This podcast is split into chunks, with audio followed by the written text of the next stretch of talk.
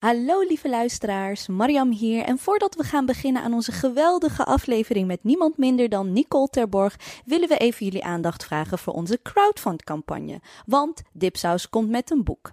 Wij gaan in samenwerking met uitgeverij Pluim het boek De Goede Immigrant uitgeven. Een boek vol verhalen door en voor mensen met een migratieachtergrond.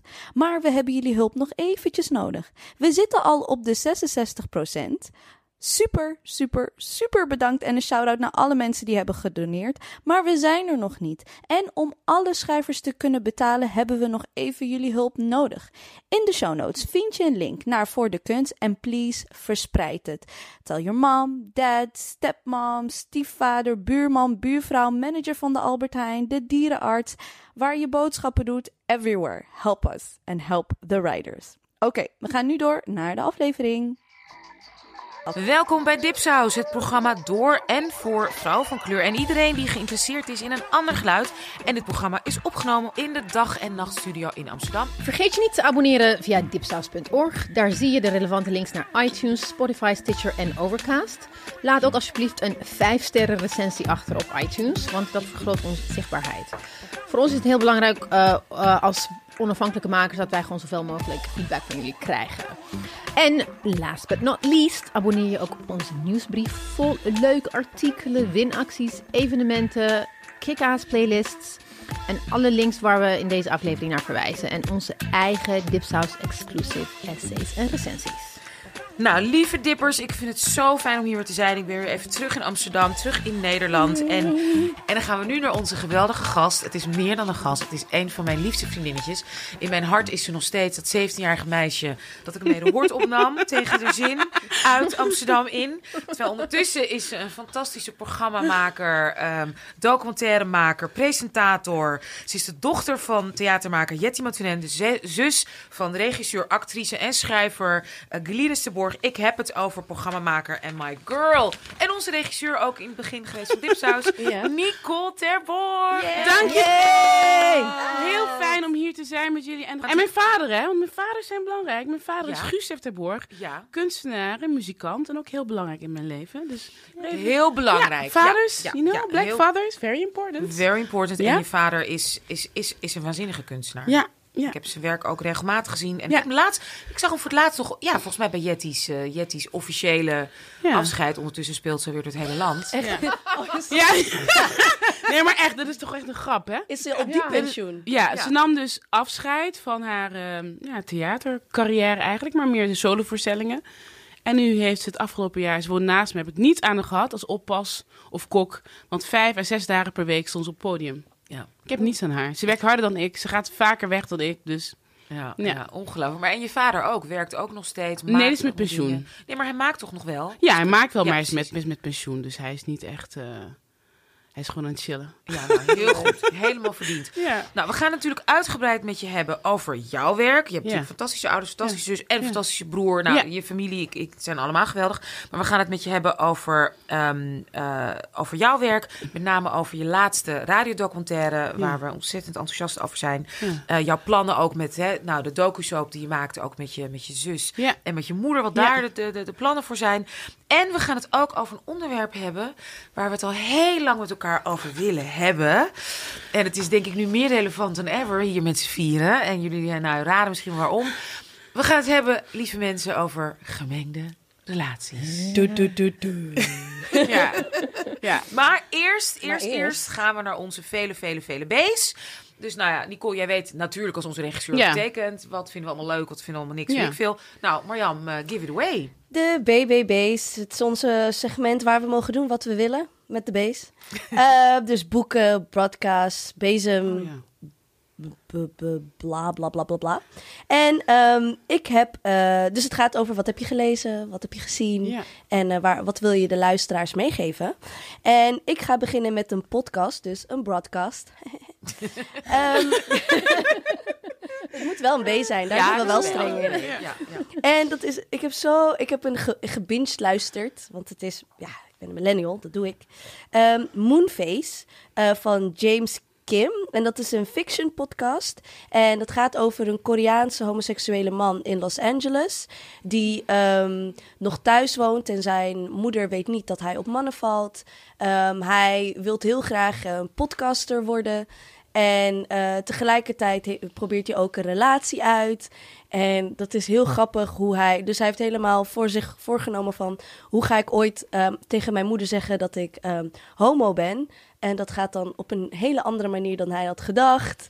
En ook de eerste aflevering van, van, die, uh, van die podcast begint al met gezoen. En dat hij heel spannend voor het eerst naar een soort van seksclub gaat. Dus je moet een beetje opletten als je in de bus zit. Zet hem wat zachter. Of je moet gewoon dikke scheid hebben, maakt ook niet uit. Maar het is eigenlijk ook wel een, um, een autobiografisch, fictief. Kan dat? Is ja. dat iets? Autobiografisch fictie? Ja, fictie gebaseerd op je Ja, dus most autobiographies are also gewoon a work of fiction. Ja. Laten we eerlijk zijn. dus James, uh, ik had een interview gelezen met James Kim, waarin hij zei van, ja, het is ook wel, uh, het uh, heeft heel veel overlappen. En het, wat ik ook heel erg mooi vind in die podcast is dat hij niet zo goed met zijn moeder kan communiceren, omdat zijn moeder slecht Engels spreekt en hij spreekt bijna geen Koreaans. Oh, echt? Ja, wow. en, en ik vond dat eerst ook heel erg apart, maar dat schijnt dus, er schijnt kinderen te zijn die, um, dat hoor je ook in de podcast, die zich een beetje schamen voor hun achtergrond en cultuur. En dat die dan gewoon echt helemaal geen Koreaans uh, heeft geleerd. Mm. En het is zo een hartverwarmend, maar ook dat je echt denkt van, oh, waren wij maar vrienden, weet je wel. Oh. Dus en hoe heb je die podcast ontdekt?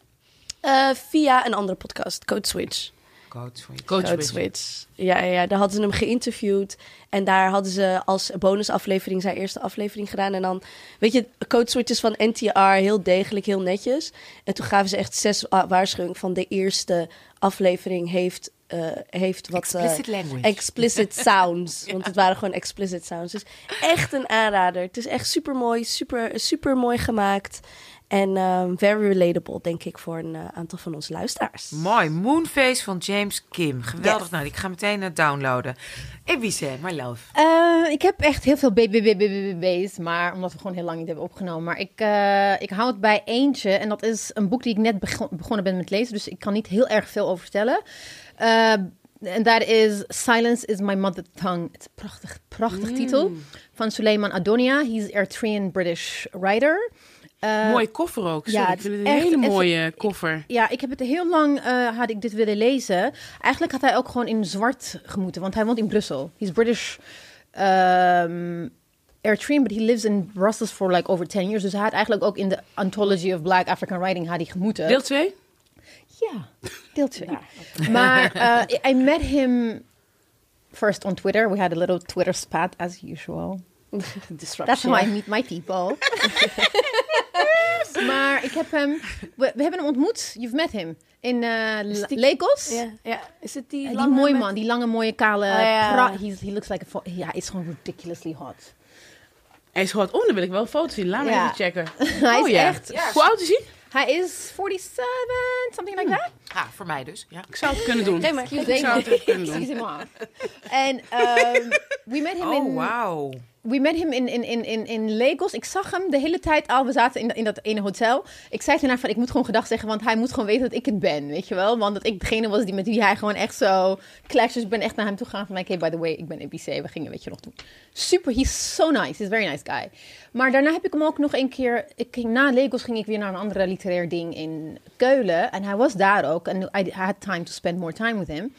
En ik had dit boek al heel lang willen lezen, maar ik kwam er niet aan toe. Maar nu eindelijk, ook omdat het uh, it's very thin. I love thin books. Writers, please write thin books. maar he had a reading. En na, tijdens dat lezing waar ik gewoon... Ik zat gewoon in de audience. Hij vraagt altijd iemand in de audience om een stukje voor te lezen. En hij vroeg van, wil iemand voorlezen? Niemand zei iets. Ik dacht gewoon echt heel spontaan. Terwijl, you guys, you know I don't like stages. Ik dacht, fuck it, gewoon voorlezen.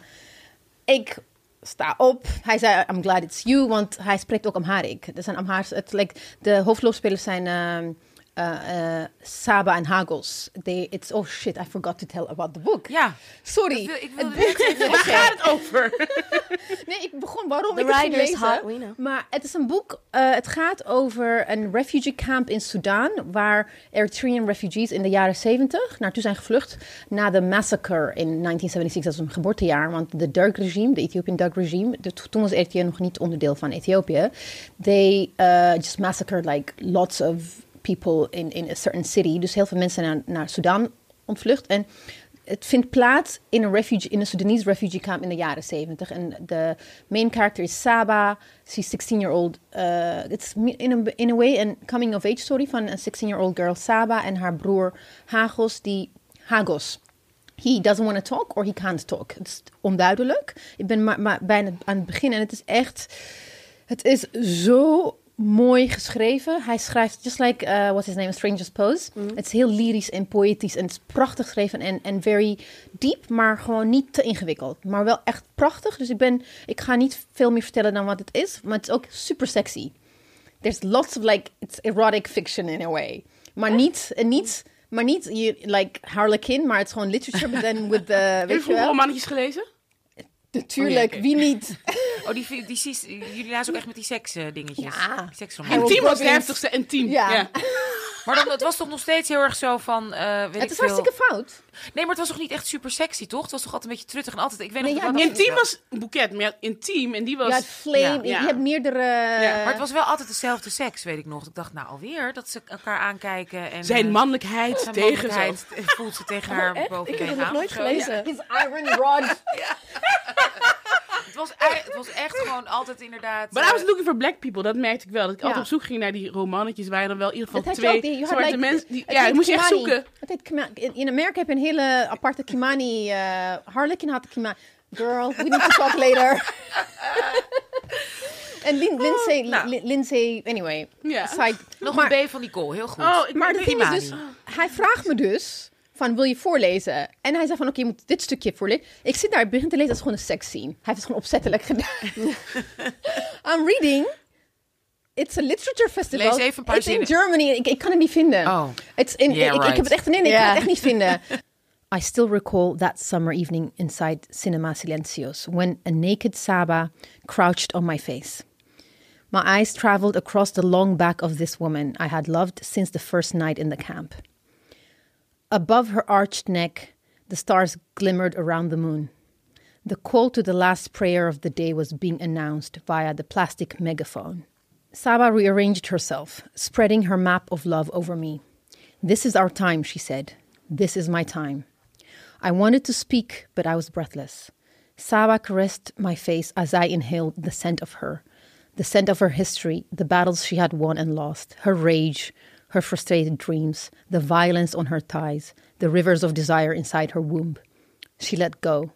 She filled my mouth from her rivers, so warm that as it slid inside me through my throat, I felt riches invading me, gushing towards my soul, the white Nile and its water running between my ribs. The strings of the singer's krar played a mournful song nearby. The forest whistled. That impious breeze of the summer wafted against my cheeks. Like a famished soul, I tried to grasp the warm air. My hands fluttered at my sides. Saba pushed down with her weight, screwing the lock of my existence to her being even more. North and South finally reunited. Saba erasing the boundaries that have separated us for so long. Halverwege, ik kik hem echt aan van you. Ik heb, gewoon- ik heb gewoon super, het is heel kort, twee, twee alinea's. Super, super sexy. Basically, she's sitting on his face and he's in- eating her out. Maar dat, dat ben ik gewoon aan het voorlezen in front of literature, In de met, mensen. no, no, no. Oh, dat was niet. Hele, Oh, hele oké. stakkapelen eh, mensen. Germans, like... Anyway, maar toen dacht ik van, ik ga, ik, ik- maar ik vond het echt, dat was de trigger, maar het is een prachtig boek. Ik zou, ik zou zeggen, read it. Ik, nou, ik weet nou Ja. onzeker. Ik heb het gelezen. Nou goed, ik Begin op zeg- pagina 32. Begin op pagina 32, precies. Evise, dankjewel. Eh Silence is my mother tongue is het dus van Suleiman Adonia. Nou, Ja. Natuurlijk komt alles in onze links, show notes, zoals we dat eh, altijd, althans ik niet. Dat doet Evise altijd. Ehm, helemaal goed, geweldig. Nou ja, Ik ben blij dat je het zegt. Een mooi dun, dun romannetje. Want mijn B is wel ook een boek, maar wel ook een beetje een, een, een, een soort, uh, soort klaagzang. Want ik lees dus bijna geen romans meer. Wel Strange Post, dat zijn korte fragmenten. Mhm. Dat vind ik helemaal fijn. Ik heb er gewoon echt geen geduld meer voor. Ik was nooit een ontzettende grote beeldingsroman uh, idolaat. Maar nu erger ik me helemaal. Als een soort een paar bloemrijke zinnen of vergezochte metaforen. Ja. Word ik echt heel zagrijnig van. En ik heb ook zoiets van, joh, er is zoveel shit going on. Ik wil gewoon weten hoe, wat voor leven, wat voor wereld is dit? Dus ik ben heel erg into non-fiction. En ik denk ook dat dat gewoon hoort bij mijn leeftijd. Um, maar het leuke is, uh, nu ik in New York City woon nou, daar zijn ze non-fiction gewoon idolaat en fan. En iedereen schrijft. Zodra, het is ook bizar hoe snel daar boeken uitkomen. Dus als er iets is, weet ik veel. Oh, zoals nu met die, uh, dat ze dus bezig met die impeachment hebben. Echt letterlijk al 80 mensen. Hebben al een boek geschreven. Hebben daar al een boek over geschreven. En over ook één strook van dat hele, weet je, één stukje van die hele landkaart van die impeachment. Dus bijvoorbeeld alleen maar over het congres. Of alleen maar over het senaat. Of alleen maar over het hmm. onderzoek. Niet normaal. En dat, en dus die liggen dan klaar voor die boeken? Die, liggen gewoon klaar. maar, Ze beginnen gewoon meteen en gaan aan de slag je, je, je woont letterlijk in de epicenter of the publishing universe. It's New York. Midtown is wat, wat bepaalt hoe de rest van de, de literature, literary world eruit ziet. Dat is echt, dit is, it's, it's in, yeah, I don't want to use that word. It's amazing. dus, I was gonna say... Nou Mind-boggling. en, en laten we wel wezen, kijk naar ons heen. Kijk naar nu Brexit met Boris Johnson. Boris Johnson heeft gewonnen. Voor het eerst dat mensen, mensen die nooit op de Conservatives hebben gestemd... deze man, hè, hebben gewoon arme mensen met geen geld op die man hebben gestemd. Kijk nu weer naar uh, Trump, die het gewoon... Die, ja, ik ik ben bang dat hij gewoon weer gaat winnen. Ik denk, dat hij Weet je, gaat worden. Het is zo'n rare tijd, dus er is ook heel veel te lezen en te begrijpen. Nou goed, in ieder geval, dus nu ben ik... Maar ik wilde ook, ik hou ook enorm... Uh, sinds mijn zwangerschappen hou ik heel erg van... Um, spannende, dus zeg maar, uh, hoe heet het nou? Um, uh, verhalen, van die politieverhalen, ja. misdaadthrillers, die worden opgelost. Dat schijnt ook een soort vrouwending te zijn. Of althans, een mensending, dat het lekker is om een, een soort afgrondverhaaltje met slecht en dan een soort midden en dan een oplossing en een eind. Dat schijnt heel lekker te zijn voor de psychologie. Dus ik hou heel erg van Law and Order en zo, Special Victims Unit. Ik heb ze allemaal gezien. En nu is er dus een boek uit waar ik enorm van geniet. Dat heet Catch and Kill. Het is van Ronan Farrow, de zoon van Mia Farrow. Hmm. En ik geloof officieel van Woody Allen, maar de geruchten gaan dat hij eigenlijk de zoon is van Frank Sinatra. Hallo lieve luisteraars, hier volgt een trigger warning. We gaan het nu hebben over Harvey Weinstein en seksueel misbruik. Dus mocht je dat even willen overslaan, kijk even in de show notes en dan weet je waar naar welke minuut je kan scrollen om dit over te slaan. Ja, wow. zegt het wel. Hij heeft ook zijn naam, hij heeft ook zijn moeders naam aangenomen. Want um, uh, zijn zusje is dus um, allegedly door die vader als kind door, door Woody uh, Allen uh, aangerand of seksueel misbruikt. Dus hij is daar, hij is in het schaduw daarvan. En ook met zo'n vreselijke rechtszaak is er toen geweest tussen die ouders. is hij in die schaduw is hij opgegroeid. Hij is hoogbegaafd. Hij is op zijn ik geloof, twintigste afgestudeerd. Het is een hele bijzondere jongen. En dit boek heeft hij dus echt eens geschreven in de stijl van zeg maar John le Carré, maar dan mooi geschreven. En het gaat dus eigenlijk over de val van Hollywoods beroemdste producent Harvey Weinstein. Ja. Oh ja, wow. Weet je wel die Harvey Weinstein? Ja, ik heb laatst een documentaire over gezien. Geweldig. Ja, it's, also, it's also the, the same guy who broke the story in The New Yorker. Ja, ja, dat is hij. Nee, dus het gaat over oh, dat. Ja. Het gaat dus over hoe hij voor televisie, voor mhm. NBC, bezig was met een programma daarover, met vrouwen en mm interviewen om hem aan de val te brengen. En hoe NBC dat heeft gedwarsbalkt. Ja.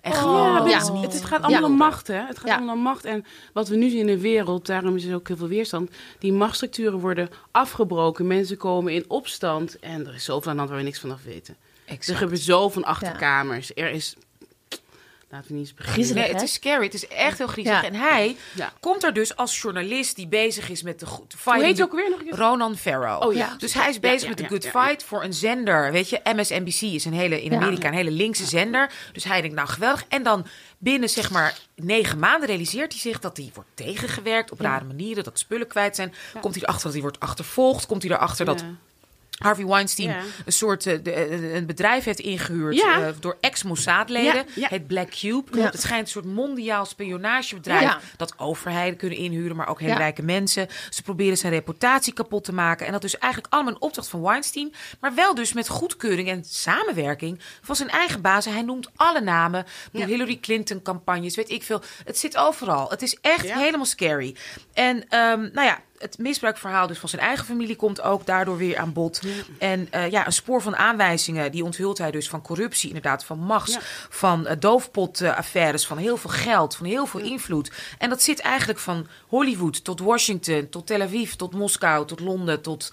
Nou, ongelooflijk. Hoe, hoe, is, hoe leeft hij nog dan? Want hij, ja toch? Heeft hij niet heel veel beveiliging? Dat vind ik zo ja. wat, wat, wat, wat, ik me een beetje... Op een gegeven moment, ik heb het, ik heb niet, ik, ik heb echt oh, expres gewoon niet dat hele verhaal niet. I mean, when it came out, I read it, maar I, I can't handle that stuff. Vroeger las ik dat soort dingen gewoon echt. Ik moest alles weten. Ja. Nu dacht ik, van, it's such a, how to say, depressing, uh verschrikkelijk story. I didn't really read the details, maar wat ik begrepen had is dat hij Iedereen dit was gewoon van iedereen wist iedereen, iedereen wist het. Er werden grapjes ja, gemaakt, de Oscar-uitreikingen. Ja, iedereen like, wist uh, het. The, one, the guy who killed himself in New York, uh, in, in, in prison. Ik ben zijn Jeff. Uh, ja, uh, ik weet Epstein, Jeffrey Epstein. Epstein. Ja. Iedereen wist het. Het werd een beetje met de mantel der liefde bedekt, maar ook gewoon angst. Mensen waren gewoon bang.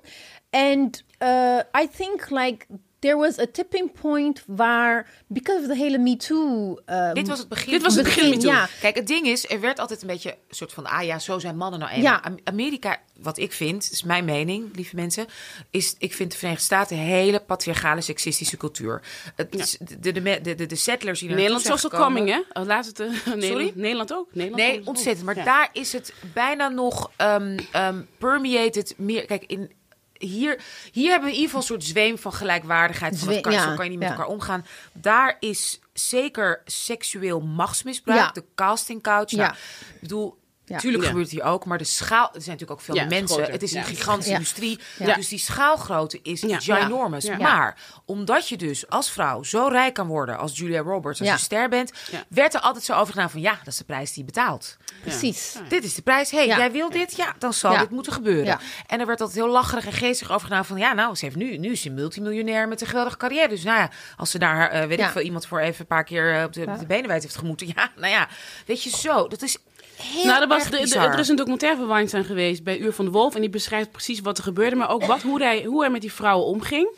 Wie het wel deed, wie het niet deed. Maar wat je ook, je wil, je wil gewoon doorbreken. Dus je denkt, oké, als ik niet hem toelaat, dan is mijn carrière voorbij. Dus, en het gaat om zo'n kort moment dat je een besluit moet nemen daarover. Van laat ik dit toe of niet. Dus en, en, ook met geweld, want hij heeft ook bijvoorbeeld... Ik weet niet of jullie... vrouw verkracht, echt verkracht. ik weet niet of jullie actrice kennen, Annabella Shora. Dat is al een oudere actrice. Zij zat in, uh, niet in Do The Right Thing, maar Jungle Fever van Spike Lee. En ze had een soort gesprek met hem. Ze waren uit eten geweest. En hij heeft letterlijk, hij bracht haar thuis. En zij dacht, nou, dit, dit, dit, gaat natuurlijk niet gebeuren. Want zij is niet een soort jonge actrice, begin van een nee, carrière, die nog een nieuwe film nodig heeft, weet je wel. En hij drong zich gewoon. Echt, ze stond in haar, in haar appartement of hij belde aan. Kwam gewoon binnen. Hij is natuurlijk heel groot. Hij is iets van 1,85 meter en weegt echt iets van uh, nou, 150 kilo of zo. En heeft haar gewoon zo ongeveer in de gang, deur met zijn voet dicht, bam, gewoon verkracht. Ik bedoel, en dit is niet... Het is een beest, hoor. Het is echt een beest. Ja. Dus dit is niet een soort ons, weet je, nee. een meisje, die, nou ja, was ja of nee. Er was niet eens een... En het ergste dat gewoon een team van hem, waar ook vrouwen in zaten. Ja. They enabled him. Ja. Weet je, op allerlei manieren. Dat vind ik ook zo heel eng. Want het was bij machtsstructuren, het wordt allemaal ondersteund. Het, wordt allemaal... het is een heel systeem. Er waren secretaresses, er waren stagiairs, er waren dus uh, eh, PR-mensen, er zijn advocaten, zijn broer. En dat hele team van 30 mensen hield dit dus Maar er zijn meer Weinstein, dat is erger. Er zijn er meer. Ja. Wat is hij, zit hij nu in de gevangenis? Nee, er is een rechtszaak gaande en hij heeft nu dus uh, geld geboden. Verzekeringsgeld, maar, en dat is verzekeringsgeld, niet eens zijn eigen 20 miljoen of zo naar alle slachtoffers. Zodat hij niet uh, hoeft voor te komen. En het is natuurlijk zo'n bruut en heftig proces. Die vrouwen hebben zoveel mee. En bijna al die vrouwen hebben geen werk nu. Die, die zijn klaar, die zijn nu dus moeilijk. Die hebben hun mond open gedaan. Gelukkig hebben we ook een paar hele, zeg maar, nou ja, weet je, zo iemand als Gwyneth Paltrow. Ja, en Gwyneth Paltrow. Van die megasterren hebben Selma ook... Hayek. Ja. Uh, Selma Hayek hebben het ook, hebben ook en, gezegd. En Lupita. Lupita Nyong'o. Dit was, en ja. beginning haar, ze is aan het begin van haar carrière, kan je nagaan. Is dit gebeurd met haar? Ja, ja maar ook nu, nu is ze ook niet in, she's not in the same level als Selma Hayek of. Uh, nee, je moet. Uh, Ze is nog ze is nog niet... Talk about colorism. Maar goed, er is een heel artikel over haar verschenen. Dus ja, precies. Heb je dat gelezen? Want uh, het, het, lijkt dus bij haar het feit dat she's very, she's very dark. Ze is gewoon heel zwart. Dus dat, dat ze na haar uh, 12 Years a Slave nooit eigenlijk echt een eigen rol De modewereld ziet haar eh, meer als een ster. Omarmt haar meer dan, dan de, de filmwereld. ja. ja.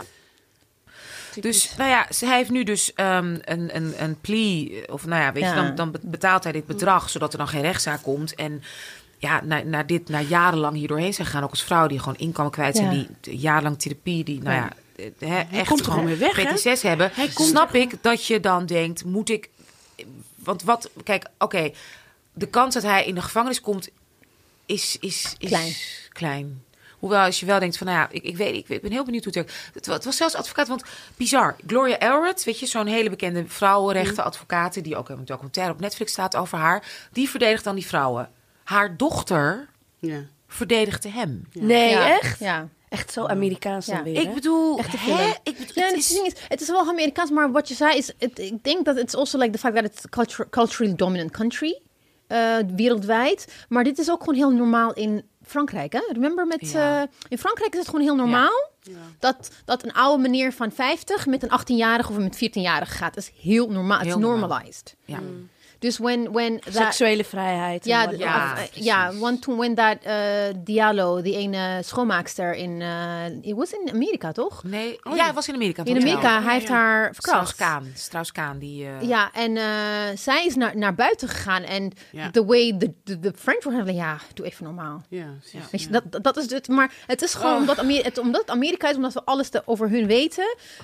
Lijkt, maar Fr- Frans is even worse gewoon. Met jonge wat dat meisjes betreft, met jonge meisjes vooral. ding, dus ja. het is heel erg normalized. De, de, de manier waarop heel veel, eh, zoals Ada ze noemde, de poortwachters van het patriarchaat, de vrouwen in Nederland, al die 50-plus dames, eh, zoals, ik, ik ben hun naam vergeten, Doorlacher, Jessica Doorlacher.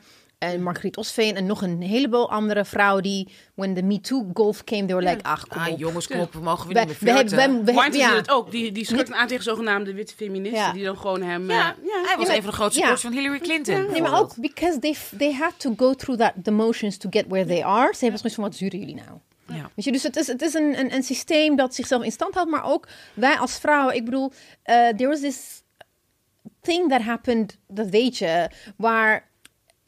I have- I haven't been in a situation like this for a long time. Ik, ik moet dit heel voorzichtig formuleren. Waar, waar ik een paar maanden geleden in een situatie was waar ik... I was with a guy...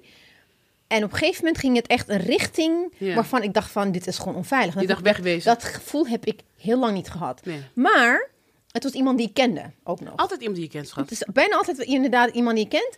En after it happened, wat heb ik daarna gedaan? Wat was mijn instinct? To de-escalate. Ja, ja. De-escalate, geen big deal van maken. Gewoon door, want bewaren. anders is het gewoon een hele grote... Anders wordt het heel... En, dat En wat wij moeten doen, daar ben ik het mee eens. We moeten kijken hoe we onze zonen opvoeden. Ja. Want We zijn al zelfs- bezig met die dochters, maar Ja. wat doen we met onze Ja. zonen? Wat Ja, leren onze ik zonen? met mijn grote bek, met mijn grote mond, van dit kan niet, dat, maar hoe reageer ik in dat split second? Hoe reageerde ik? Ik reageerde gewoon, geconditioneerd. Toen achteraf, ik ben echt, twee maanden later ben ik echt nog, ik word steeds bozer en boos van, ik had dit, had dat moeten doen, ik had dit moeten doen. Weet je, maar it happened, it's over. And, that's, that's how we, we survived. That's how I survived all these years. Ja, maar vergeet niet, omdat wij natuurlijk helemaal zijn geïndoctrineerd en geïn- we hebben het geïnternaliseerd. Dat zo, weet je, van kleins af aan, als je al kijkt. Ik bedoel, ik weet dat het een beetje overdreven kan overkomen. Maar als jij al van kleins af aan leert. Een meisje valt in slaap, weet je, prinsesje. En dan komt een man en die kust haar wakker. Die geeft haar Ja. leven met een zoen. Ja. En hij redt haar en bla bla bla. En je moet allemaal kikkers kussen en dan misschien komt de prins. En, en, Zonder en dat is toestemming, hè? Dat is zonder- eigenlijk zoen- eh, Ja, dus zonder als consent. hij jou maar ziet en hij kiest jou uit, Ja. dan is het oké. Als je Ja. daar van kleins af aan maatschappelijk al mee wordt, en dat is al generaties lang, is al, is al vier, Maar weet- duizenden jaren zo. Ja, dat, dat, dat- dan, dan is het heel lastig om te mogen voelen. Online, online is er een soort eh, post van eh, schrijf hieronder wanneer jij voor het eerst voelt dat jij eh, dat seksueel op seksuele manier naar jou gekeken werd. Als je Ja. ziet wat vrouwen daaronder schrijven, we hebben het over vier jaar oud, zes jaar oud, Ja. mensen dichtbij, mensen ver, en dan denk je Ja. dat is de zieke samenleving waarin En we je leven. weet het. En als vrouw weet je En het gaat dwars door alle klassen, etniciteiten, Ja. landen heen. Het is Ja. gewoon everywhere. Ja. Ja. Het was, het, ik, ik, ik weet, I think, I, I, I knew, that the, if you asked me that question, I think I was seven or eight. En het was een eh, vriend van, uh, our it's a friend of our families, je die het bij ons over de vloer kwam. Ja. En he, he used to give me net iets extra attention, Ja, je waar mij het. gewoon... En je voelt het ook als Ja, mij. je voelt het klein, en je dan, het. ja, je, je bent aan het stoeien, whatever, haha, it's uncle, whatever. Maar Het voelt gewoon raar. En op dat moment weet je niet wat het is. Ik Nee. schaam me. Ik I was very shy. Achteraf denk ik van, what the fuck? Ja. En je krijgt ook als meisje continu te horen dat het jouw schuld hè, dat je moet uitkijken en dat je dit en dat je dat en je kijkt uit. Je moet met je benen niet Ja, met je met je benen, dat hoort niet. Dat hoort niet. Hoort niet niet, van ja. het is om jezelf te beschermen. Nee, je, je, je krijgt het, het hoort niet. Ja, maar de grootste vijand van vrouwen zijn ook mannen. Ja. Als je kijkt naar cijfers waar vrouwen, ja. waar het, vrouwen het meest o- ook onder zeg maar Overlijden. eh, overlijden, Ja. eh, komt door mannen. En ik had het laatst met mijn moeder erover. Weet je, mijn moeder komt, eh, die werd op een heel jonge leeftijd moest zij met mijn vader trouwen. En zegt ze ja, eigenlijk als ik terugkijk, zijn eigenlijk alle mannen gewoon een beetje rotzakken geweest tegen mij. Ach, die Ja. schat. Weet je, dus het is echt. eh, Ja. En nu nog steeds. En wat, wat Nicole ook zei, dat gaat door lagen, door, door klassen waar je werkt. En ook de thing, and, and the, the amount of shit that we are used to accepting, want because, because I'm, I'm married like for a long time, ben ik niet in een situatie geweest waar ik me dan onveilig voelde of whatever. When I was single, dat was gewoon de norm. Dus je, je hebt altijd geleerd om je op een manier te manoeuvreren dat je je zonder dat er iets gebeurt. Nothing. Je bent I'm- altijd mee bezig. Waar I'm- ben ik veilig? I'm Ja. one of the lucky ones. Ik heb stunts uitgehaald waarvan ik van hoe, kan het dat ik gewoon nog nooit iets bij mij is gebeurd. Ik heb gewoon, ik ben ik, echt gewoon, I've been reckless. Ja, nee, I've ik been ook, ja. so many times reckless, so many times. Maar, maar omdat het zo lang geleden is, denk je, eh, weet Ja. je? Ja. Maar, nou, anyway. Dus um, what I'm trying to say is dat, dat het zelfs op kleine schaal, mannen die niet zoveel macht hebben, we are so conditioned to think in such a way. Laat staan. Ik ben En- zo en- blij en- dat, dat en niet ja, alleen dit- mannen, hè? Dit is zo heb- belangrijk. Nee, maar sorry hoor. Ja. Dat is zo'n belangrijk punt om te maken. Want dat is eh, wat we natuurlijk onze zoon niet moeten opvoeden. Ja. Maar ook onze dochters moeten opvoeden. Het gebeurt op elke schaal. Dus dit is inderdaad dit Ja. boek wat het zo bijzonder maakt. Dus het is gigantisch groot. Het is heel erg macro. Maar inderdaad, en dat weten we alle vier hier. Ja. Het is ook zo effing micro. Ja. En wat wilde jij nog zeggen, Nicole?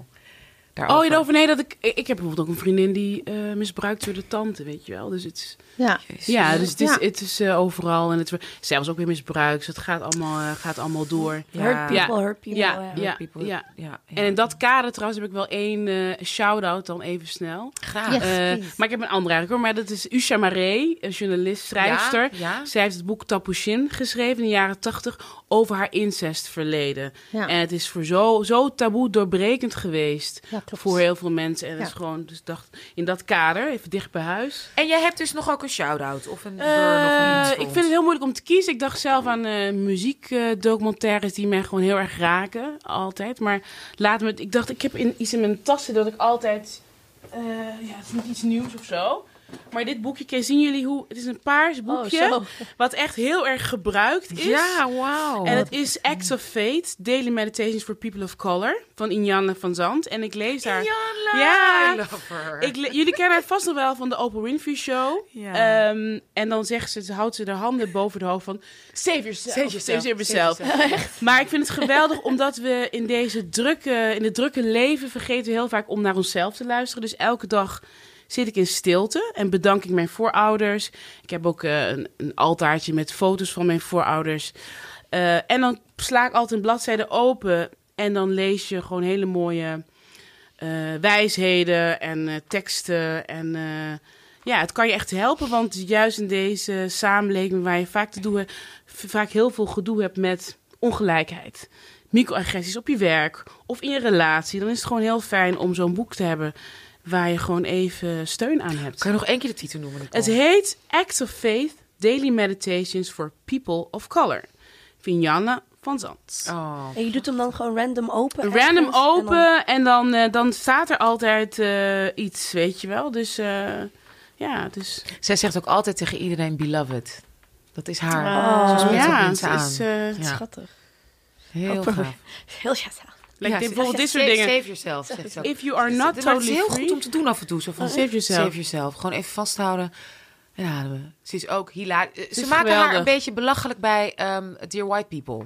Oh. Kijken ze toch altijd zo'n show? Ja. Dan gaan ze heel erg Ik lachen. ben niet van die white people. Ik, vind het echt Ik ook zo- niet. Ik, ben, heb ik ben gestopt na seizoen ik voel 2. hem... eh, ik heb het nooit gevoeld. Ik heb een halve afle eerste, eh, de helft Ja. van de eerste aflevering dacht ik, eh. Want Ja. de, de eerste seizoen eindigt met eh, All Lives Matter-achtige... de van Oh. We're all racist. Oh. I'm like, Ja, nee, ik Really? seizoen 2 kon ik niet inkomen. Ja. En, eh, maar goed, ja, ze heeft ook hele leuke van die. Ze doet zo'n show al heel lang op Own. Dat ze mensen helpt en zo. Maar dat ze, ja, ik, ik, ik hou er zo die echte African American ook. church geschiedenis. Ja, ja. Zij, is, zij is niet, eh, oh god, is dit of dat. Niet. Ze, is, ze is heel modern, zeg maar, gelovig. Maar ze heeft wel dat, dat kerkelijke. Zo van Ja. opeens zo kunnen tekeer gaan en schreeuwen. En Maar dat zit erin. Ja, het is echt. Het is heel herkenbaar, want kijk, dat, dat vind ik altijd eh, zo mooi. Als ik kijk naar zwarte Amerikanen, eh, maar ook als ik naar mensen kijk uit Ghana of Suriname. We hebben dezelfde manier van communiceren en naar eh, gewoon hoe we met elkaar omgaan, maar ook hoe we bepaalde dingen losmaken, weet je. En dat heeft zij ook, Het is weet wel je. meer West-Afrikaans, hè? nee, nee, Ja. absoluut niet, maar it, it, makes sense. Ik bedoel, the connection between Ja, West-Afrika. West, West ja. Africa, the West African Ja. spirituality en de Haiti voodoo. Ja. eh, Ja, maar ik zie, maar ook als ik met jou over dingen praat, of met Saada, dan zie ik ook overeenkomsten. En dat is iets wat me al, Ja, dat is het, altijd het heeft interessante is, Saada en ik zijn in that sense, if you, have, if you think there's like a typical Ethiopian, we zijn atypisch. Ja, ja. Allebei. Ja, ja. Want Ethiopians are like so, very Ja. demure. Ja, nee, dat is waar. Dat is waar. We maar ik zie wel, hoor. maar ik zie wel gewoon eh, overeenkomsten. En heel veel in Suriname vergeten we hoe rijk onze cultuur is. Ja. Kijk, het christendom kwam, ja. wat alles weggevaagd En heeft. bedankt, Wat, ja. En bedankt, wat origineel was. Maar, hebben, Jesus. maar bijvoorbeeld Nee, Winti... niet eens die arme Jezus. Die had er nog niks meer mee te maken, die schat. Het is gewoon een Nee, maar we hebben zo'n rijke cultuur eh, gewoon. Als, ook als het gaat om Winti en Ja. eh, gebruik. En Oh. dat moeten we, daarom vond ik het zo tof met de winnen, weet je wel. Die, die laatste, of een van die laatste, clip die Mm. in 2019, ik weet niet hoe het heet. Maar geweldig, weet je. Dat ik dacht, oké, yes, laten we Wat? gewoon... 2019? Winnen. 2019 had een, een videoclip uitgebracht. Wie? Winnen. Winnen, de eh, rapper winnen. rapper. Wh- Nee, wh- Jongens, ik ben Oké. helemaal uit. Nou, hij was een he- hele... You, you know what's going on in New York. She knows like the... Winnen is altijd zeg maar echt wel een van de beste rappers, vind, vind ik. Ja. En hij is in Suriname gegaan, heeft een clip opgenomen, ook met Winti. Winti is heel erg van, oké, daar mag je niet over praten, daar hebben we het niet ja. over. Hoe- hoe maar wel we alle Surinamers die allemaal zichzelf met, eh, weet je, een wassie gaan nemen met oud Ja. en nieuw. En die clip was gewoon geweldig. Zo'n sterke beeldtaal. Hij liet gewoon alles gewoon zien. En dat is gewoon, ik ben heel blij mee dat we We dat hebben nu hem, eh. Zaire heeft hem geïnterviewd voor Dipsaus Exclusives. Oh. Ja.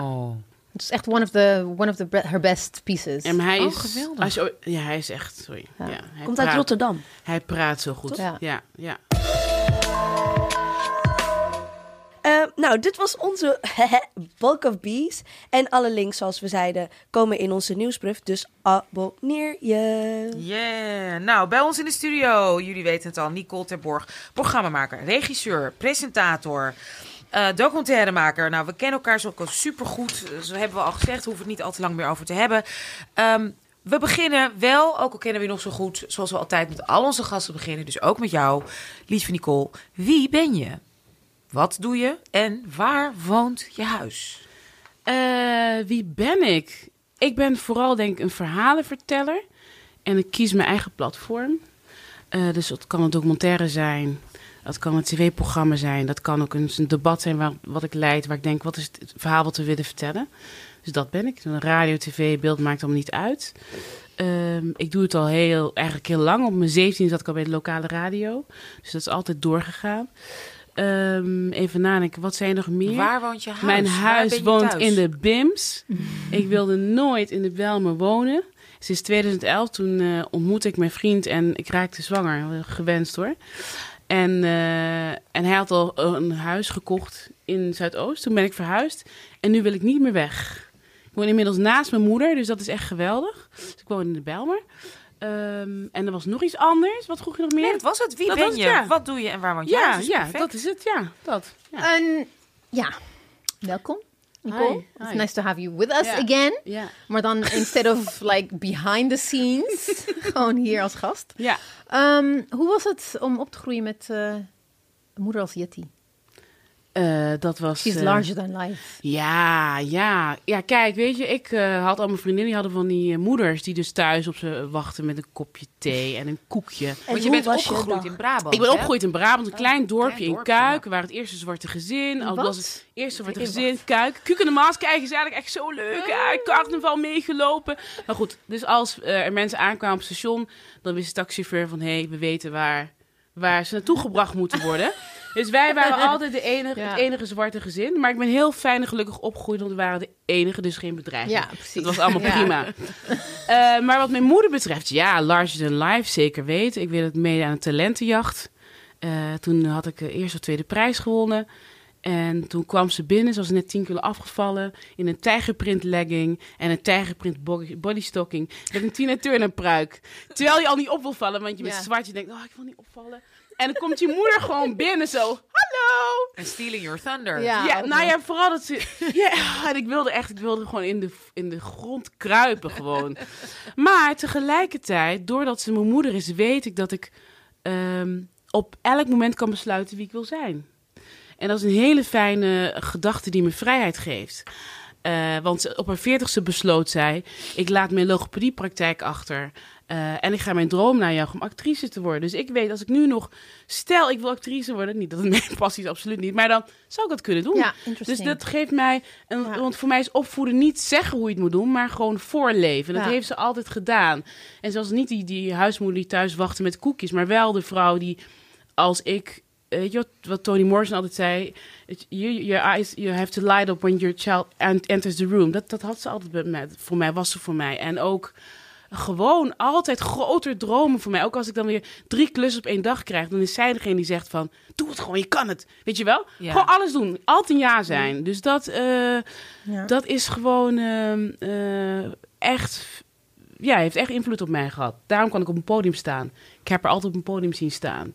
Dus dat. Uh... Yeah, but it's interesting you say that because I think as children, what it, it there's a phase waar je je wil gewoon verdwijnen in de crowd. Je wil niet opvallen en je wil al helemaal niet dat je ouders opvallen. Maar je wil dat, je ouders. Ik was eerlijk het, het kan sowieso niet, because you're you're black in a very white ja. dorpje. Ja. Maar ik denk dat het pas achteraf. I think when we grow up, that's when we kind of appreciate the fact that they were who they were.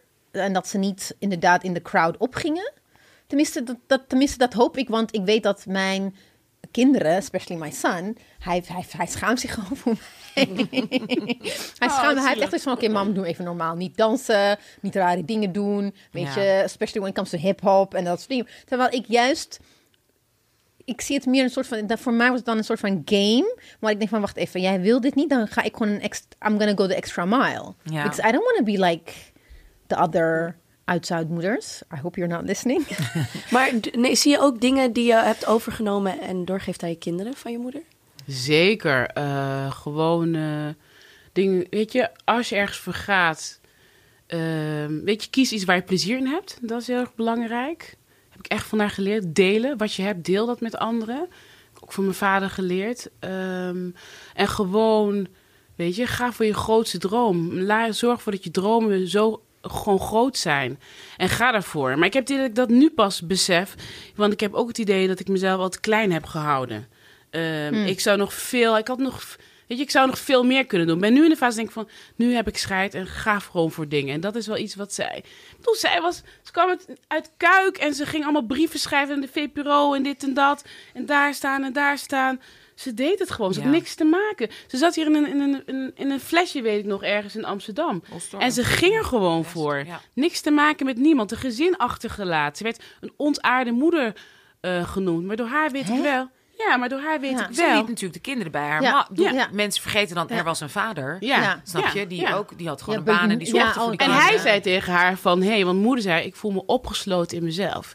En hij zei tegen haar, als je dat voelt, dan moet je gaan. Dan moet je je droom najagen. Niet geweldig. Dus uh, dan weet, nu weet ik van, oké, okay, it's all good. En jullie waren, zagen haar elk weekend. En... Elk weekend, ja. En ze komen, ik had ik buikpijn, dan door de telefoon heen kon ze mij rustig maken. En zorgde dat mijn bu buikpijn weg ging. Opvoeden of als moeder er zijn, is niet alleen maar...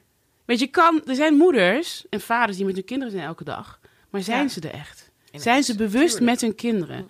Zijn ze, kijken ze in de kinderen hun ogen en luisteren ze? Ik merk het met mijn eigen kinderen ook. Zodra ik echt met ze ben, veranderen ze. Zijn ze niet meer vervelend of zeur of dat soort dingen. Dus. Ja, en ik denk, maar het, is, het was natuurlijk een hele bijzondere tijd dat je moeder dat deed. En ook nog eens in een heel bijzonder, in een klein dorp waar iedereen dat ook wist. Dus dat was absoluut niet makkelijk. Ik heb jullie leren kennen als ik heel jong was, ik echt begin twintig. Ja. Ik zag laatst nog een filmpje van jou en vrouwenvleugel. Want Jetty, mijn moeder en, en, en ja, dus het was gewoon Ik was geweldig. 22 of zo. Geweldig, En- Danny de een Moon 18, keek haar 19. niet aan. Ja. En jij was echt iets van 16 of zo. 17, dus, ja. 17, dus we kennen Ja, ik heb flirtcursussen gehad van uh, Anousha en Glines van mijn zussen. Maar ik weet wel nog altijd dat als ik daar nu aan terugdenk, denk ik, jeetje, hoe oud was je moeder? Die was mijn leeftijd, denk ik, zoals Ja. ik nu ben. En die had zo'n drukke, opkomende, beginnende carrière. En die moest zo hard werken. En Ja. die supportte iedereen, hielp iedereen mee. Met of het nou was, zeg maar, in, in energie. Mij ook. Ze heeft Nog mij steeds, zo ontzettend ook geholpen. Ik was ook, weet je, van het weinig donkere meisje in de showbusiness. Jouw moeder nam me meteen onder haar armen. Ja. Terwijl ze dus Zelf, drie kinderen had, weet ik veel.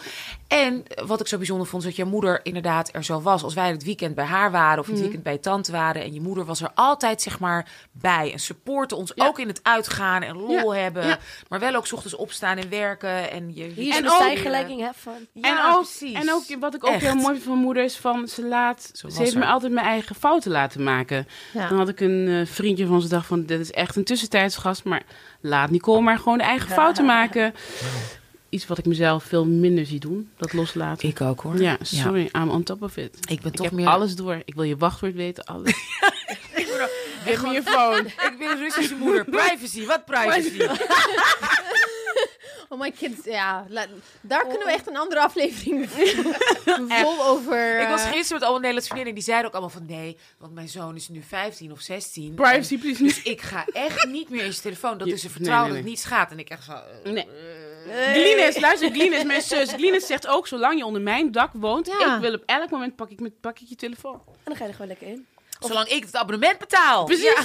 Nee, maar even hoor. Ja, toch? Het is toch normaal dit? Nee, dus nee, al mijn vriendinnen, allemaal leuke, hoogopgeleide, superlieve moeders. En ik moet zeggen, ze hebben echt heel Ja. leuke kinderen. Die doen dat niet. Die zeggen echt van, nee, dat is een grens die ik niet overga. Misschien ook per kind verschillend, weet je. Dus we, Ja. we gaan het zien. Ja, het, Zijn leuke, het zijn allemaal leuke boys. En dat, dat wil ik ook nog tegen jullie zeggen. Want ik was dus gisteren, een van onze vriendinnen werd dus ook eh 50. En waar Wie, wie, wie? Uh, Katelijne, en die Oh, ja. werd 50 surprise Ja? party. En Ah. sommige van ons hebben dus al wat oudere kinderen. Dus jongens van in de jaren Ja. zijn 19, 20.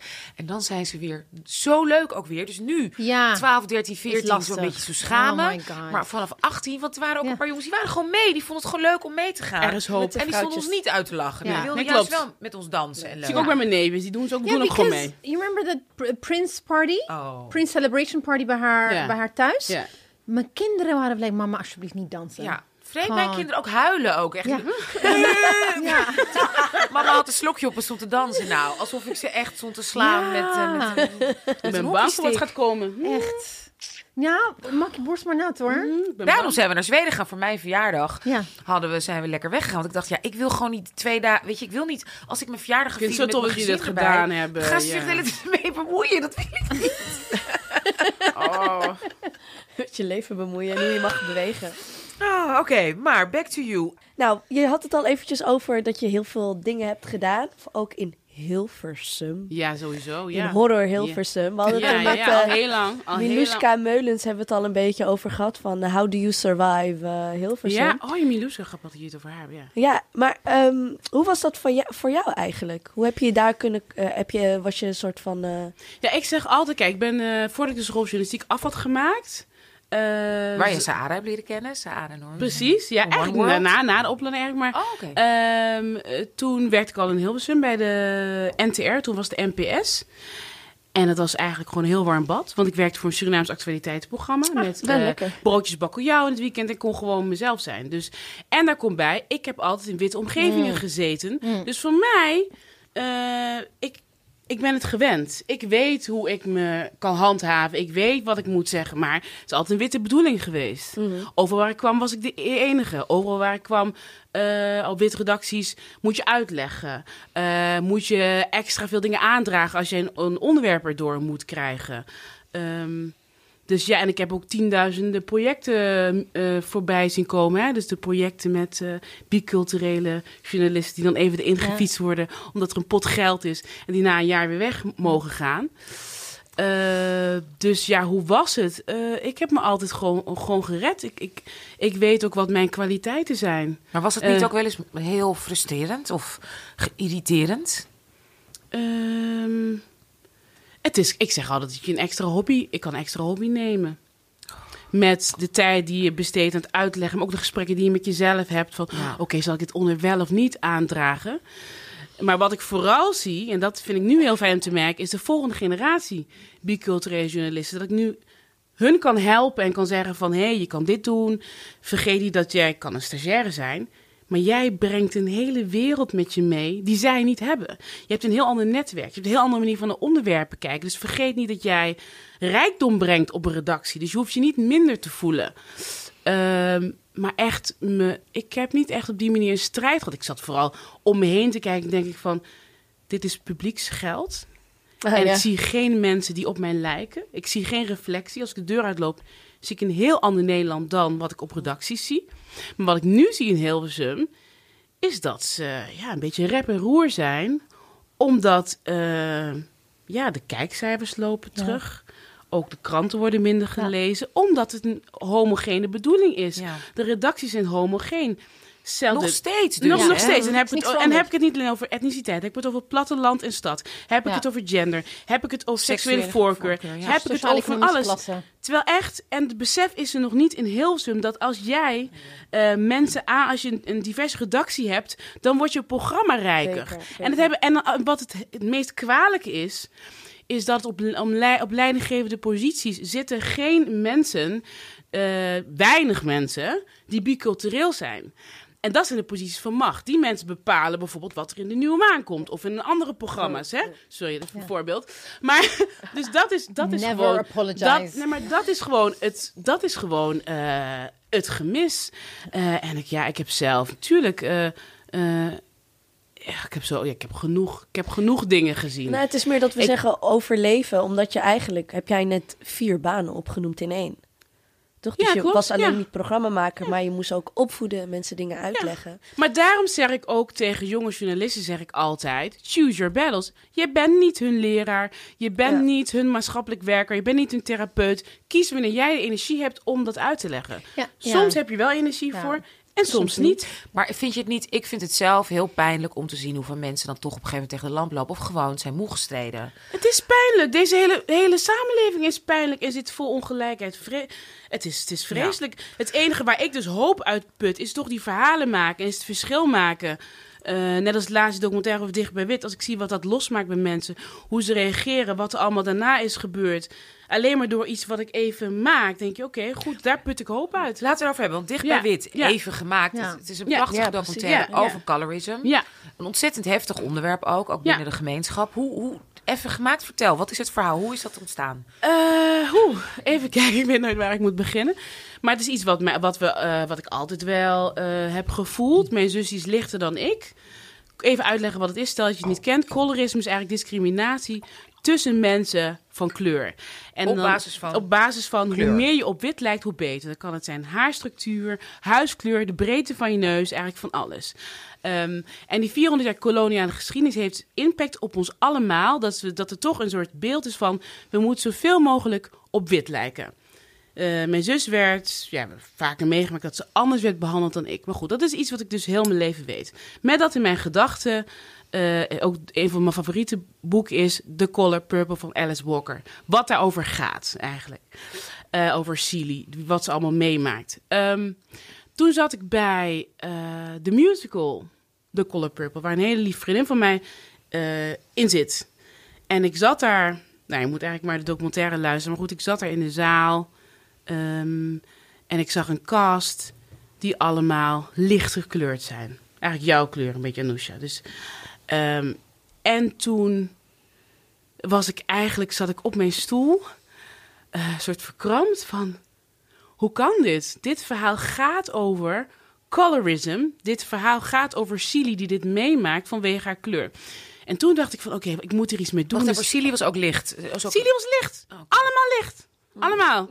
All of them. Terwijl ze in het boek gewoon donker. Ik heb niet. Ge ik, ik boek is zwart. Ja. Ik heb ja. dus de. Ja, het gaat eigenlijk over Chili en wat zij meemaakt. Whoopi Goldberg heeft het toch gespeeld? gespeeld in de film, ja. En Oprah.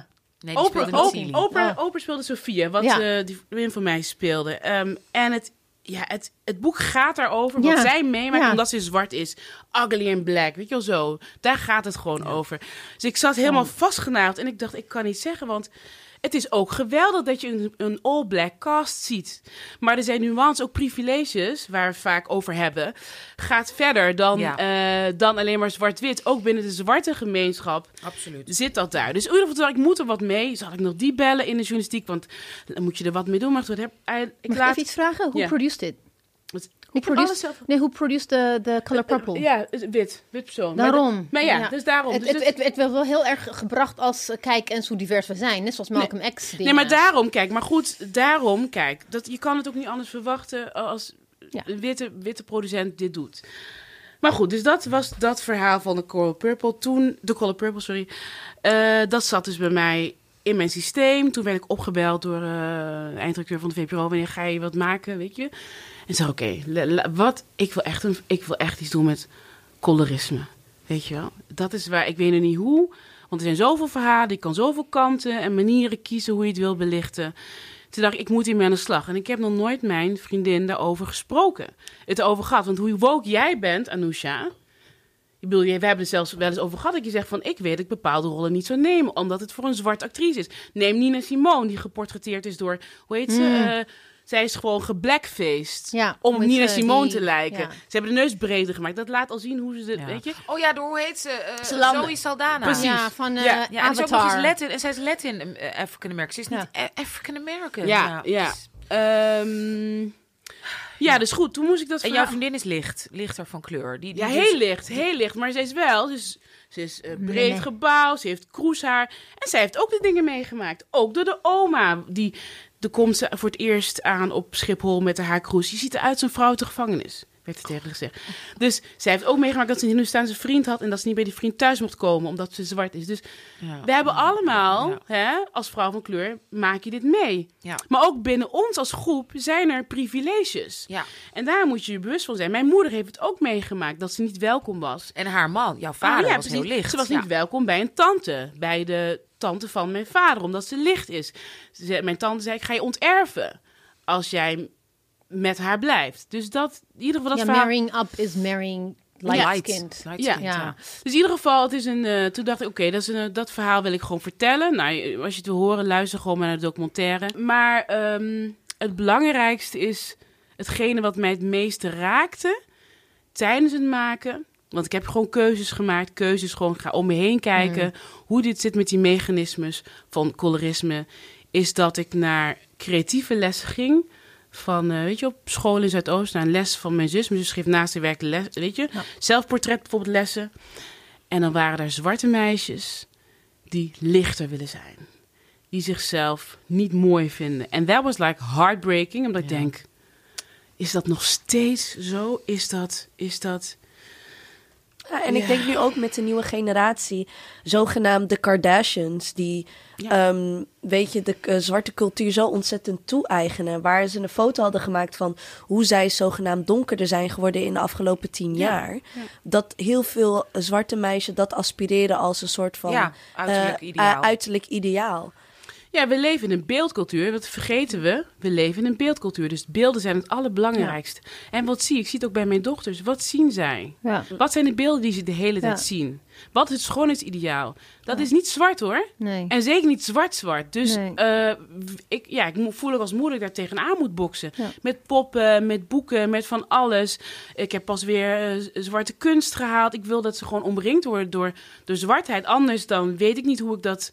Yeah, what I was just gonna say. What I was gonna say was that bijvoorbeeld that's also one of my main beefs met again Beyoncé. Dat, dat hele hoe zij uh, Destiny's Child uh, bij when Justin Destiny's Child aan het opkomen was. Beyoncé komt altijd naar voren bij jou. Nee, maar nee, nee, she's one of the most famous. Yeah. She did marry a black guy, weet je? More power to you, was Jay Z, but oké. Okay. Maar um, when you talk about beeldcultuur, dat was mijn main beef met. Maar, ze begon echt een uberzwart uh, groep ja. waar zij wel altijd centraal was. Ja, ik, ik, ik, de, de, de, de, de, light, de dark skinned were like omringd door en en het licht was altijd op haar en when, when she went solo, alle danseressen zijn altijd a shade or even maar too laten darker we, than her. Laten we wel wezen, dat vond ik zo goed met de mensen die ik sprak in de nasleep van de documentaire. Er is een, een, neiging naar lichter zijn. Ook Beyoncé is lichter geworden na verloop van tijd. Ik sprak met Viola Sarkodie, die is ook bij jullie te gast geweest. Die zei, ik let op al die artiesten en ik zie dat ze hun neus hebben bijgeschaafd. Ik zie dat ze zichzelf lichter hebben gemaakt. Toch, vroeger had je nog Lauren Hill, bijvoorbeeld. Ja. Of een Inja Arby. Die had altijd een heel cute neusje. Die, ja. gewoon aangeboren, maar die was model al. Die was kindermodel. Ook vanwege dat cute uiterlijk. Kijk naar Mariah Carey. Nou, die is dan... Als ik, ik zag later weer zo... Want dat, dat uh, All I Want For Christmas bestaat uh, bloody 25 jaar. We moeten dat al aanhoren. Het was it's our problematic wave. Nee, maar het is wel dat je denkt van... Het is nu gewoon een witte vrouw. Ik bedoel, ze was nog... Dan zag ik dat ze nog in ieder geval een beetje krullen had. En een iets breder neusje. Die herkent er gewoon. Kijk, en alles, alles wordt versterkt. We leven in een beeldcultuur. We leven in tijd van social media. Dus dat zorgt ervoor dat je nog meer uh, alles versterkt. Nog meer wil laten zien van, oh, je er zo geweldig uit. En uh, vooral voordoen alsof alles in je leven goed is. En dat versterkt alles. Wat, die, het is een soort van snelkookpan. En ook, en, ja. ja. Nee, maar ook het interessante is uh, niet alleen like the, the whiteness that we're surrounded by, maar ook in, internally hoe wij zwarte mensen ja. met elkaar omgaan. Hoe wij ons verhouden tot ons licht light-skinned en dark-skinned uh, brothers en sisters en familieleden. Want een van de dingen wat ik wel gewoon uh, heel vaak heb, because als, als from Ethiopië, je, je bent niet zoals de anderen. Dat is gewoon wat ik altijd uh, om me heen heb gehoord van, you're not like the others. Je bent wel mooi, weet je. Dat soort dingen hoor ik van andere zwarte mensen. Terwijl ik denk van, ja, maar mijn broer is two shades darker than I am, weet je. Dus wanneer je zegt, je bent niet zoals de anderen, je hebt het ook eigenlijk over mijn broer en over mijn vader. En there are also people in our community who capitalize on that. Tuurlijk. Die dat wel gewoon voor overlevingsstrategie of whatever. Het is overleving. Hoe dichter je bij wit bent, ja, dat is het. Dat, dat is het hoe dichter je bij wit, hoe meer kans. Ja. Want het, is, het, het, het, gaat ook heel erg op voor de Marokkaanse gemeenschap. Oh, ontzettend. Zo, het is overal. Oh, is everywhere. Overal in Ethiopië ook. Is overal. Ja, en, en Ovi is niet gekoloniseerd geweest, maar het heeft wel invloed daar gehad. Ja. Het is 100 procent. Ja, maar, maar al die enge Dark and Lovely reclames ook. Of nee, die, nee, niet Dark and Lovely, van die dat je kan, kan bleachen, die bleach reclames. Het is in Azië, het is in, in India, het is Afrika, Europa. Het is in alle werelddelen komt het voor. Ik had met mijn zus voor het eerst het gesprek voor de documentaire. Hoe was dat? het was wel even heftig, want zij hoorde heel de leven en ik stond ernaast van je bent mooi. Ik hoorde niet van je bent mooi. Uh, wat mij ook, daarom herken ik me in een gesprek wat Lupita met Oprah had. Daar weet ik van, ik uh, leun niet op mijn soort uh, mooiheid, maar op mijn intelligentie en op mijn doorzettingsvermogen. Het zorgde voor een soort andere manier van zijn. Maar toen ik met haar sprak, was het echt even van, ja, was gewoon ik zag dat het voor haar ook heftig was. Want zij wilde het kleine zusje beschermen. En dacht van, hé, hey, wauw, weet je. En heb, heb, je dat gesprek ook met je ouders uh, gehad hierover? Uh, hoe, houden de, hoe, hoe, hoe zijn niet met mijn vader, maar vooral wel met mijn moeder. Die komt ook in het documentaire voor. Ik heb met haar wel echt ook gewoon die gesprekken gehad. En bij haar, want zij was mijn... Uh, ik liet haar de verschillende versies horen. En bij haar heeft het ook een soort proces naar voren gebracht hoe het voor haar was. Als zwart meisje opgegroeid in Suriname, wat ze heeft meegemaakt. Dat ze geen engeltje mocht spelen, ja. omdat ze zwart is, maar ook dat ze nu dan mensen ontmoet. Surinaams die licht gekleurd en denkt van oké, ik ben nu actrice en theatermaker, maar stel ik dat niet was. Hoe hadden jullie op mij gereageerd? Mm. Want ze weet wat mijn broer meemaakt in Suriname. Dus um, er zijn zoveel lagen. Jullie hadden over Miluska Meulens. Die heeft ook mij een bericht gestuurd over wat zij heeft meegemaakt. Zoveel mensen op straat, mensen die me vertellen wat ze hebben meegemaakt. Dan hoor je hoeveel eronder zit. Ik heb laatst een museum van Loon, omdat ik wilde napraten, zoveel berichten kreeg. Hebben een hele ja, een intieme ruimte, gewoon met 30 mensen. Dat was echt geweldig. Gezeten. Mensen moesten huilen. Met vertellen wat ze hebben meegemaakt. Iemand vertelde over haar zoon. paar dagen oud. Verloskundige, zwarte verloskundige. Die aan het neusje ging wrijven om het smaller te maken. Weet je, wat, waar kijk je naar als kindergeboren? Naar de nagelriem, hoe donker het kind wordt. Dus het zit, het zit, het heel zit zo... Ik liep als kind heel vaak met de wasknijper op, hè? Dit mijn opa. Zie je? Ja. Nou. En ik, en ik, en ik in oh my god, ja. Nee. En overdag, ze wilde het ook s'nachts, maar dan zei mijn moeder van... Ja, maar misschien stikt ze dan. Ah, nou ja, dat is weer... ademt ze wel door de mond. Dus ik liep, maar, liep ik gewoon te spelen, gewoon. Zoals, zoals iemand anders met een soort beul, weet je, zo'n soort retainer of zo. Liep ik gewoon twee, drie uur per dag met een... Uh, het heeft niet echt geholpen. Met een... Uh, Nee, maar het zit, het zit ook diep. En als je kijkt naar populaire cultuur... Weet je, want dat wil ik nog zeggen... Er is zoveel wat ik niet kwijt kon in de documentaire. Ik heb het niet gehad over populaire cultuur. Ik heb het niet over de wetenschappelijke kant gehad. Er is zoveel meer waar we het over kunnen hebben. Um, want echt, er is uh, zoveel kanten die je kan belichten. Ja, ja, maar jou, jouw uh, programma sluit heel goed aan bij een artikel dat, uh, I think, begin dit jaar in NRC is verschenen over reclames, hoe in reclames uh, light-skinned brown people met krullen heel vaak worden gecast. When, when, they, when they have like the, the, the person of color, the black person, is eigenlijk een heel licht versie van. En, en, en dat artikel was echt really good. It showed, it showed how of het nou televisiereclame was, of in de bladen, of everywhere. It's like a certain type of. Wat eigenlijk in de jaren tachtig normaal was in Amerika, is nu Nederland. Kijk, zo, zo achterlopen wij. Ja, in de reclamewereld, maar in Amerika heb je het ook nog steeds hoor. Maar in de reclamewereld, reclames, is het uh, lichtgekleurd met een bepaalde soort krul. Ja. En dan zie je ook welke tv-presentatoren, behalve uh, Simone Wijmans, ja welke zwarte vrouwen, ja. zwarte mannen, want het is weer ook in, in qua gender heb je ook weer andere dimensies, zie je op tv. Die zie je bijna niet. Klopt. ik heb ook genoeg, mee, weet je, er is, er is, er is echt... En heel weinig ook met echt haar, want in Amerika zijn er weer meer nu ondertussen eindelijk meer zwarte presentatoren, maar begint nu pas, is er een soort revolutie dat ik ook echt bij de mainstream nieuwsprogramma's af en toe een zwarte vrouw zie met natural hair. Omdat, niet dat het, mij, je, het is je eigen keuze, maar het, als het maar een eigen keuze mag zijn en niet dat de, de network uh, voor jou beslist. Maar dat kon ik ook niet kwijt, want colorism ziet er in de Caribische wereld anders uit dan in Noord-Amerika. Want in de Verenigde Staten is er ook nog een soort heel erg sterke colorism wat betreft haar. Zie je Oprah met glad haar? Zogenaamd bewuste vrouw. Zie jij uh, Obama, Michelle Obama? Ja.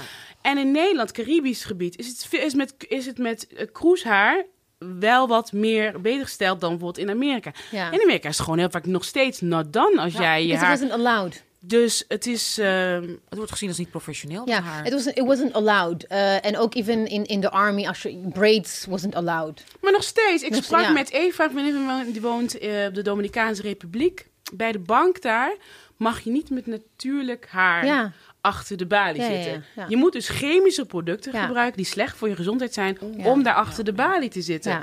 Uh, ja.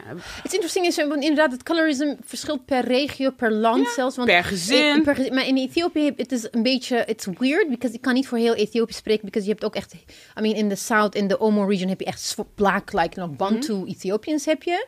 Maar within like the, the mixed Arab mixed Ethiopians uh, heb, is, het, is het ook niet alleen uh, je, je skin color, maar ook etniciteit en religie. Ja, weet ik. Van welke etnische groep je bent. You can be dark skinned, maar als je uit een uh, hogere klasse komt, dan is het oké. Okay. Als man. Ethiopië als vrouw ook. Ja. Ook als vrouw, als vrouw ook. But if you're like from a certain klasse and and and you, you can be dark skinned, but if you have like the nose, the hair and the the, the bepaalde ja, als je maar op imaan lijkt. Ja, of je, of de, de royals. De royals hebben, hebben een bepaalde oogopslag dat dat you, you you kind of you kind of know that they might be blue blood. Dat kan. Maar if you're a light skinned Oromo and you're Muslim. Probleem. Ja. ja en bij jullie mannen, mannen mogen heel zwart zijn, toch? In Marokko. Dus en okay, beautiful. Nou. Nee, dat valt ook ontzettend mee. Ja, ja, ja. Die, die let dan wel bijvoorbeeld... mijn vader is heel donker en mijn moeder is lichter. Nou, dan is het echt een match made, weet je wel. Misschien krijgen ze dan wat lichtere kinderen. Maar je kan in, in het zuiden van Marokko zwart zijn, maar elite.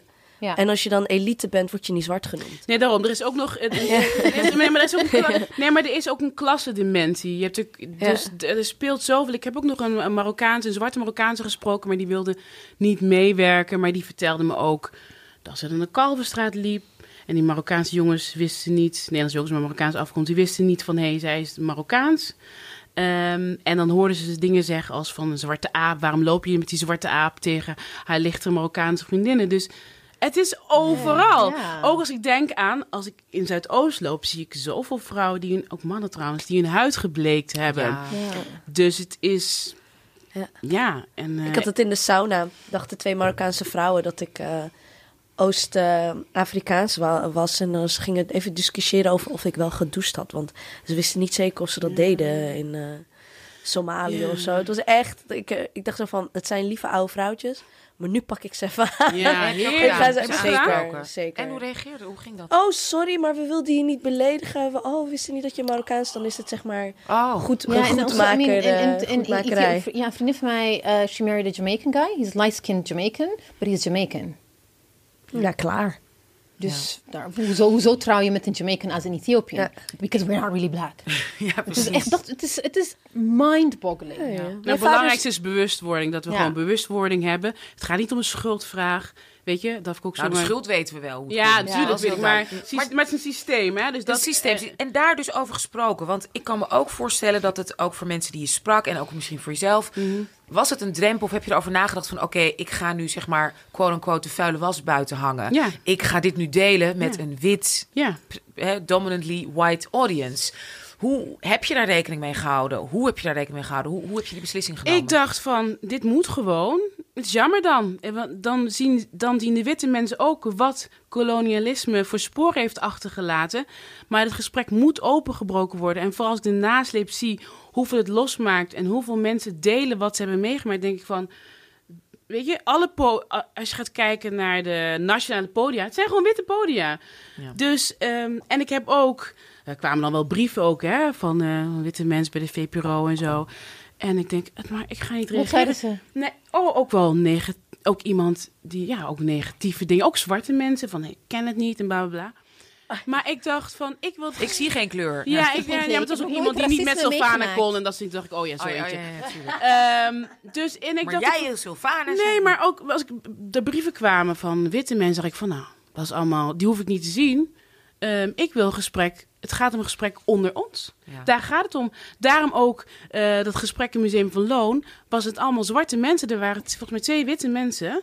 Maar die hebben niet meegedaan aan wat een soort healing sessie. Daaraan meegedaan. Het gaat om ons onderling. Dat wij moeten helen. Dat we moeten weten wat er aan de hand is. Bewustwording. Zodat we verder kunnen gaan. Dat we ook weten welke privileges en mechanismen er spelen in onze gemeenschappen.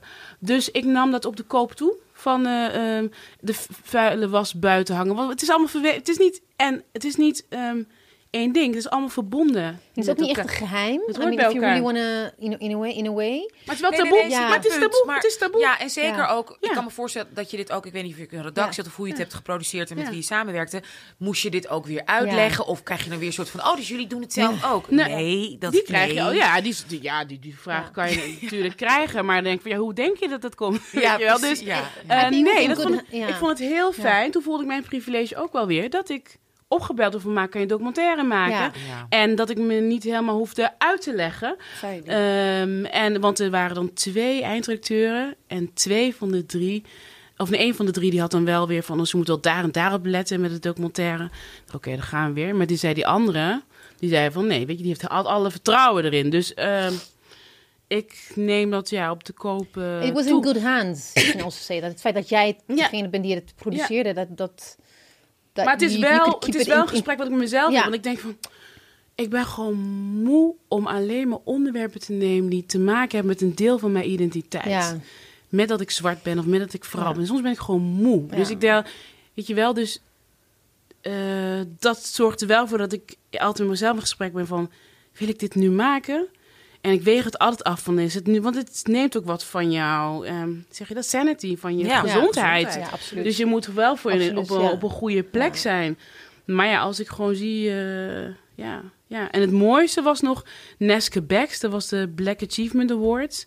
En toen heeft zij een hele spoken word gehouden, met daarin mij genoemd. En dat was echt dat ik dacht van, was ik echt oh. emo, was echt, uh, ja, wauw, weet je wel. Van, je ziet elkaar, zij ziet mij en ik zie haar, dus... Weet je wel? kan je uitleggen. Ja. Dus. Ja. Oh, nou. Ik heb Nicole ook eventjes aan de telefoon gesproken over, ja. uh, over mijn zus die ja, kind heeft met een nog, ja over mijn zus die een kind heeft met een zwarte man, maar die zwarte man identificeert zich niet als zwart. Hebben uiteraard zwarte kinderen gekregen, twee meisjes. En in Lagos heb ik dus ook mooie boekjes over Rapunzel gekocht. Maar oh. Rapunzel heeft lange dreadlocks. Zwarte dreadlocks, echt super mooi. En Lupita's boek is ook nu uit over colorism, waarin uh, ja. uh, Selby heet het volgens mij, over dat, dat, dat kleine meisje dat uh, dark skinned is, so dark is as the beautiful moon. En heel, heel confirming. En ja, het is, weet je, het is ik ben me daar ontzettend bewust van dat ik mezelf niet in een discussie over darkskindheid. En misschien was ik daarom ook stil, omdat in te, in te voegen dat ik denk van dat is een discussie waarin ik in vind dat in de Marokkaanse gemeenschap moet daar goed over gepraat worden. Weet je wel, over... Ik ging laatst naar een bruiloft en ik heb mijn natuurlijke haar gehouden. Maar het is altijd wel even afwachten of mijn moeder vervelend gaat doen. Weet je wel? En dat heeft ze niet gedaan. Dat is wel echt een van de eerste keer. En ik heb ook een keer... Uh, want dat was ook na... Ik had, ik had je geappt toen ik het hoorde op de radio. En toen, een paar weken daarna had ik tegen mijn moeder gezegd... Mam, wist je nog toen je heel hard aan mijn knieën ging schrobben? Mijn knieën en ellebogen. Ja. Jij hebt het ook Omdat... meegemaakt, dus onderschat niet jouw pijn. Precies. En jou, jij mag hier ook over, we moeten hier allemaal over praten. Het gaat niet om schuldvraag. Jij hebt ook je dingen meegemaakt.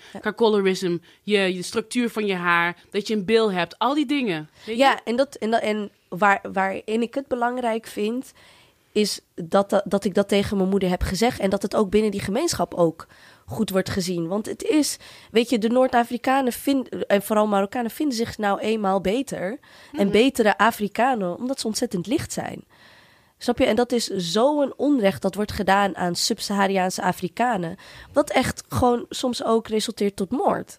Mhm. Uh, van, van zwarte, mens, uh, zwarte mensen in, uh, in Marokko. Dus een hele waardevolle radioprogramma. Pas ook nog toch ook zwarte toeristen die in Marokko in elkaar geslagen waren. Dat las ik ook weer. Ja, En ook, ja, ja. Mijn mam was also opzet dat ik mijn haar... Uh, ik, had, ik had krullen op mijn wedding. Ze zei van, ik ga je haar niet doen. Als in streten. Mijn moeder. Ja, ik zei van nee. Het is echt zo'n ding. Van ik zeg, ik doe het niet. Ze zei van, ja maar, ja, maar het is your wedding. Je, je haar moet gewoon gestreed. Ik zei, like, ik doe het niet. Dan kom je maar je, je, vader vond het wel heel tof. Mijn vader, zei, mijn vader heeft echt daarna, ik denk vijf, vijf jaar later, zei hij me, ik ben heel blij dat je haar niet hebt gestreed op je wedding. Hij zei het gewoon. Ja, bij onze ouders duurt het dan vijf jaar. Kon ook vijf minuten later. Of op mijn bruiloft zelf.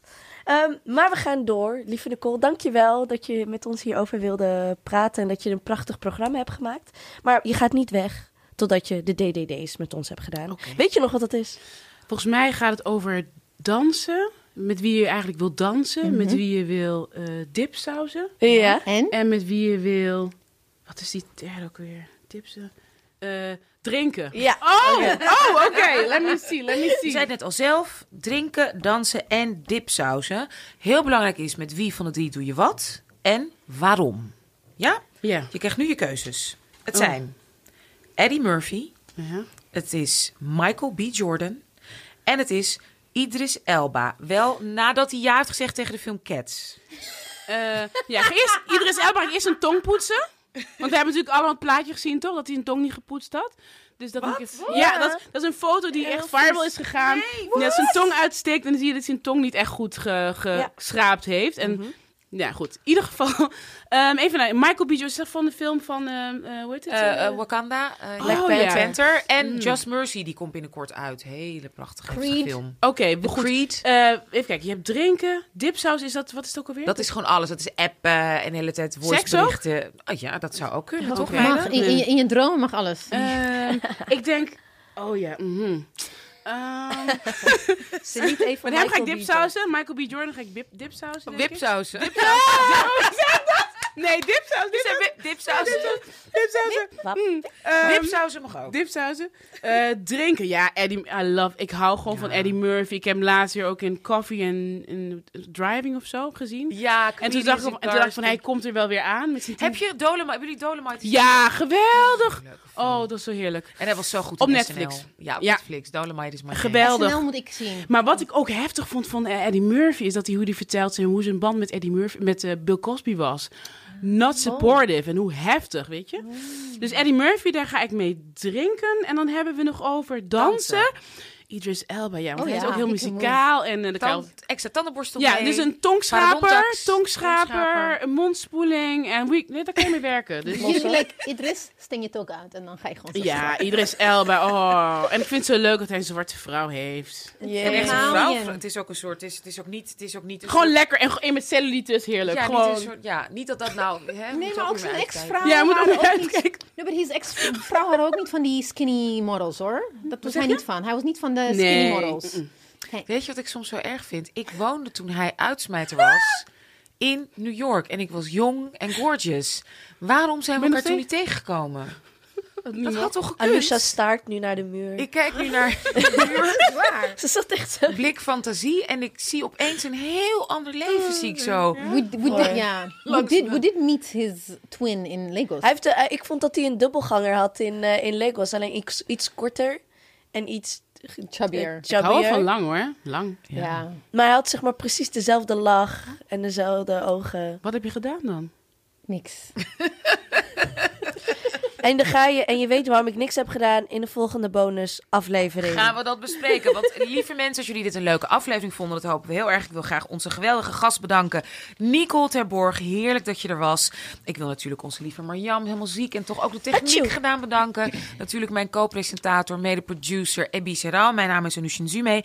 Eh, maar blijf luisteren, ga door, klik gewoon naar de volgende uitzending, want we hebben een extra bonusaflevering. En die gaat over, jawel, gemengde relaties. En daar is ook de gast Nicole Terborg. De documentaire Dicht bij Wit, als je nog wil luisteren, dat kan je horen op eh,